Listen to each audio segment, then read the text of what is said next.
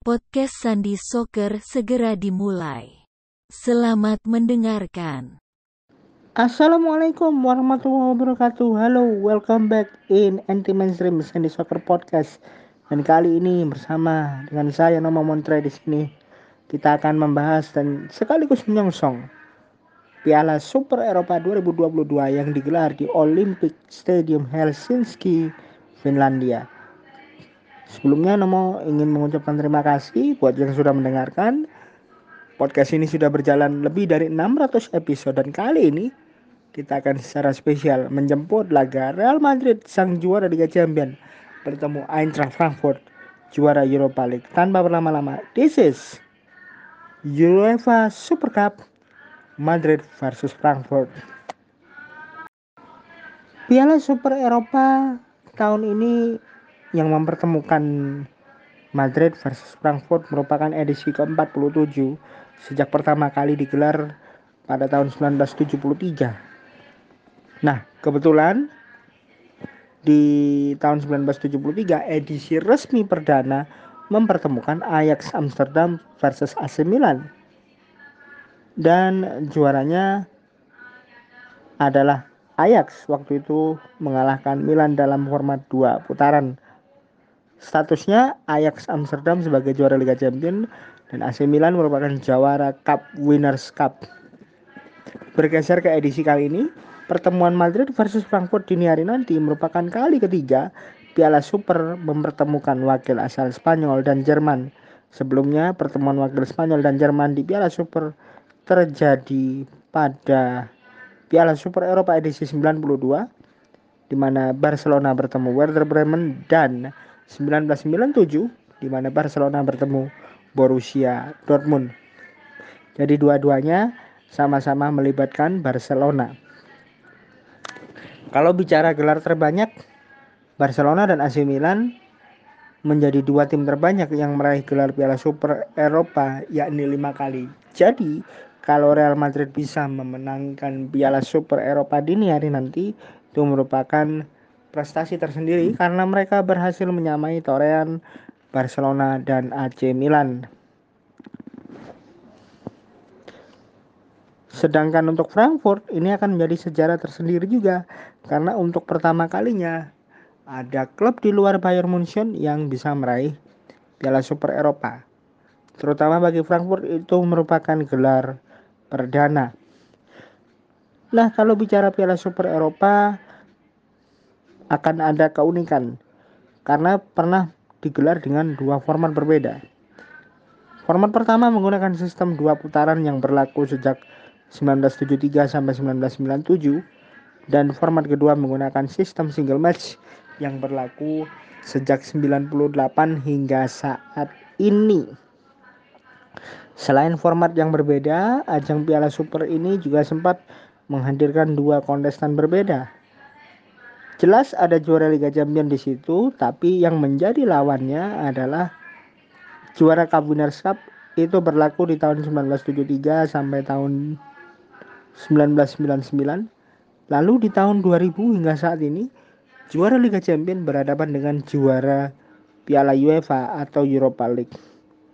Bahkan sejak menggunakan format single match di tahun 1998, Piala Eropa, Piala Super Eropa maksudnya itu sudah digelar di 11 stadion yang berbeda di mana Stade Louis II menjadi tempat yang paling sering digunakan yakni sejak tahun 1998 sampai 2012.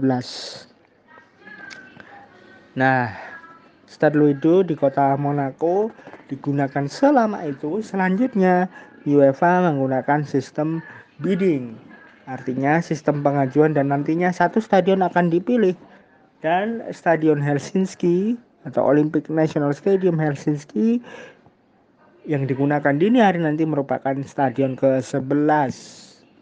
Sepanjang historinya dalam beberapa musim terakhir Piala Super Eropa jarang sekali ya menghadirkan drama 90 menit. Kebanyakan dilalui dengan after extra time atau adu penalti. Terakhir kali kita melihat ada Piala Super Eropa berakhir dengan format 90 menit terjadi ketika Real Madrid bertemu Manchester United. Kita sekarang geser ke pemain. Ada dua pemain berbeda yang mencetak sejarah terutama hat-trick di Piala Super Eropa. Yang pertama adalah Terry McDermott bersama Liverpool yang menjadi satu-satunya pemain yang bisa mencetak hat-trick ketika format Piala Super Eropa masih menggunakan sistem dua putaran. Ini terjadi di second leg atau putaran kedua ketika Liverpool bertemu Hamburg Respi Piala Super Eropa 1977.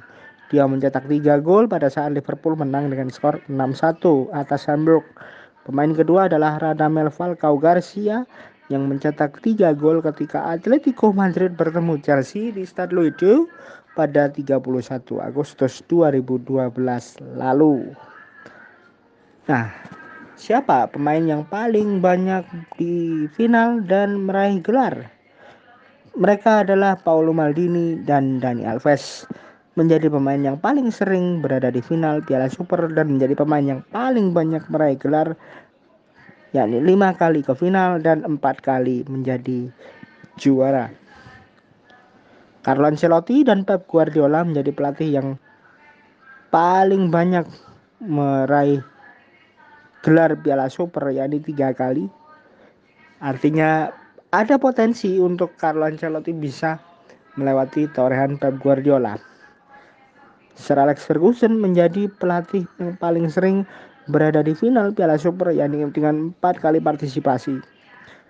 Dan ketika kita bicara top scorer, ada beberapa nama yang sudah mencetak tiga gol. Di antaranya adalah Eri Han, Oleg Blokhin, David Verkloog, Gerd Muller, Rob Rosenbrink, Franco van der Els, Terry McDermott, Radamel Falcao, dan Lionel Messi, masing-masing dengan tiga golnya. Juara Liga Champion yang meraih gelar Piala Super Eropa sudah terjadi 26 kali.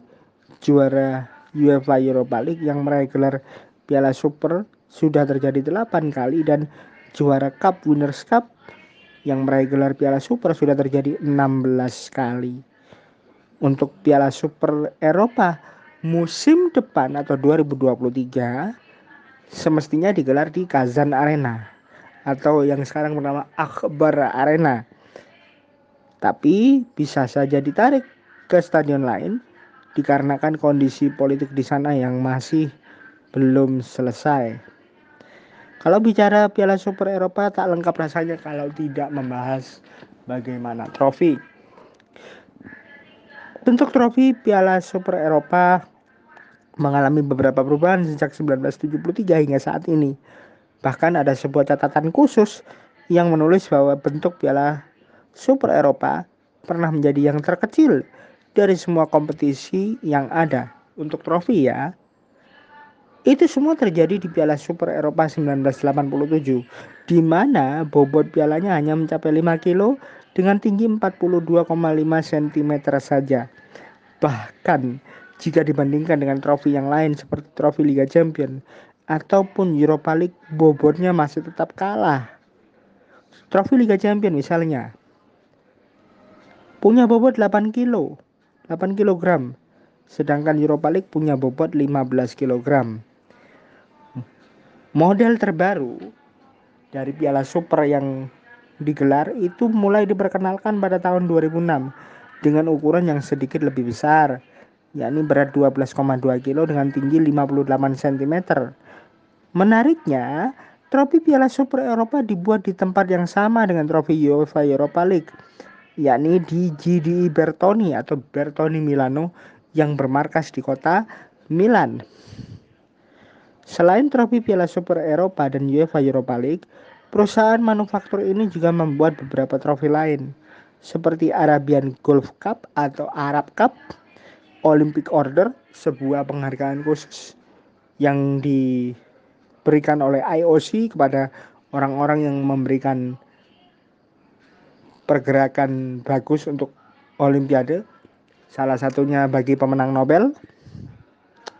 Lalu ada juga trofi yang paling terkenal dibuat di sini tak lain tak bukan adalah trofi Piala Dunia.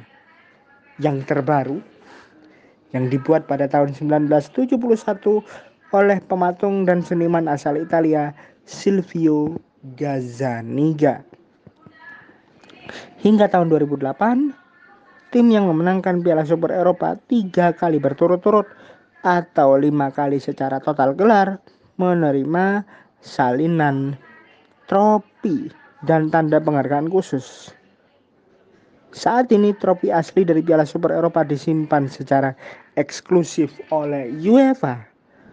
Tercatat Milan dan Barcelona sudah mendapatkan 5 gelar, tetapi AC Milan adalah satu-satunya klub yang dianugerahi trofi resmi yang asli secara permanen pada tahun 2007. Sedangkan Barcelona yang mendapatkan gelar kelima Piala Super Eropa di edisi 2015 tidak mendapatkan kehormatan tersebut karena aturan itu sudah dihapus. Jadi ini berarti Real Madrid kalau menang dini hari nanti itu mendapatkan replikanya saja karena aturannya sudah dihapus sejak 2008. Secara overall kita bicara statistik sekarang Laga dini hari nanti merupakan pertandingan ke-586 bagi Real Madrid di event internasional sekaligus yang ke-8 di Piala Super Eropa. Catatan rekor dari 585 pertandingan sebelumnya adalah 343 kemenangan, 101 hasil imbang dan 141 kali kalah dengan total gol 1243 dan kebobolan 637. Artinya siapa pun yang mencetak Gol ke gawang Frankfurt nanti akan masuk ke dalam buku sejarah sebagai pencetak gol ke 1244 bagi Real Madrid di event internasional. Dalam 585 pertandingan tersebut, 7 di antaranya merupakan partisipasi di Piala Super Eropa di mana Real Madrid sudah mencatatkan 4 kemenangan dan 3 kali kalah dengan total 13 gol dan kebobolan 11 kali. Tiga kekalahan tersebut didapat saat bertemu Chelsea di tahun 1998, Galatasaray di tahun 2000 dan Atletico Madrid di 2018.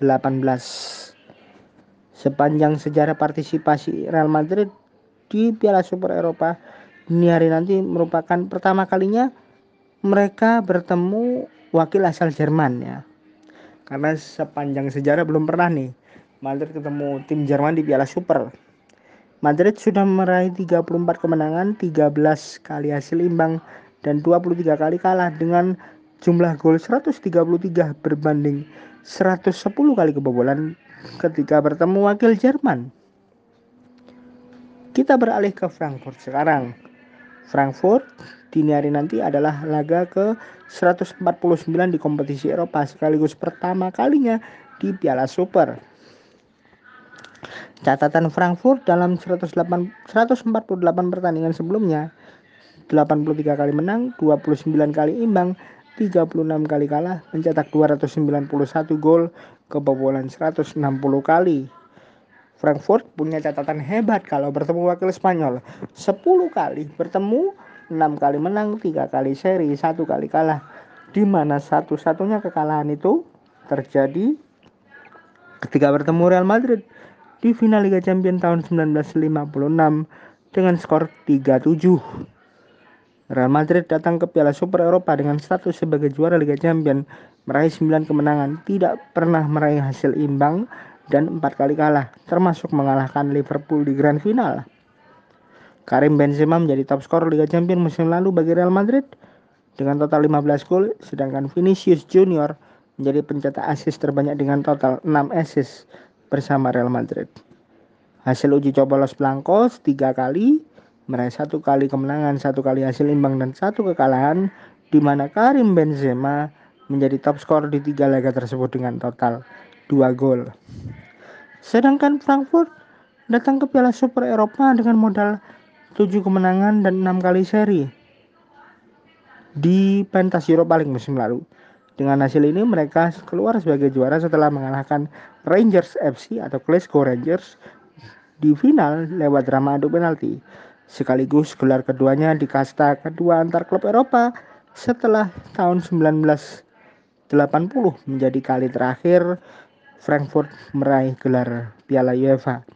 Daichi Kamada menjadi sorotan karena pemain asal Jepang ini menjadi top skor di UEFA Europa League musim lalu dengan total 5 gol, sedangkan partnernya Philip Kostic menjadi top assister dengan total 4 assist.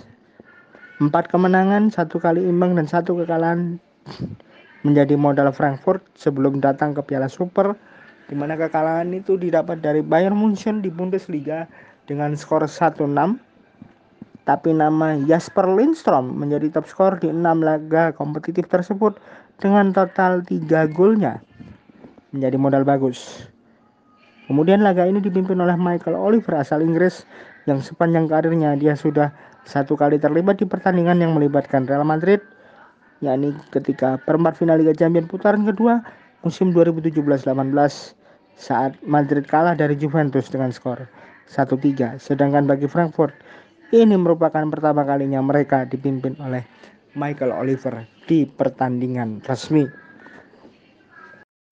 Itu yang bisa saya sampaikan hari ini. Terima kasih sudah mendengarkan. Enjoy the game, enjoy the show. Jangan lupa untuk follow Instagram Gibol Respect. Follow podcastnya follow semua media sosial dari Gibol Respect dari Facebook, Instagram, TikTok dan juga podcast serta YouTube Sandy Soccer. Terima kasih. Kita jaga alam, alam jaga kita. Enjoy the show, enjoy the game. Salor wassalam. Ciao. Terima kasih sudah mendengarkan podcast ini. Sampai jumpa.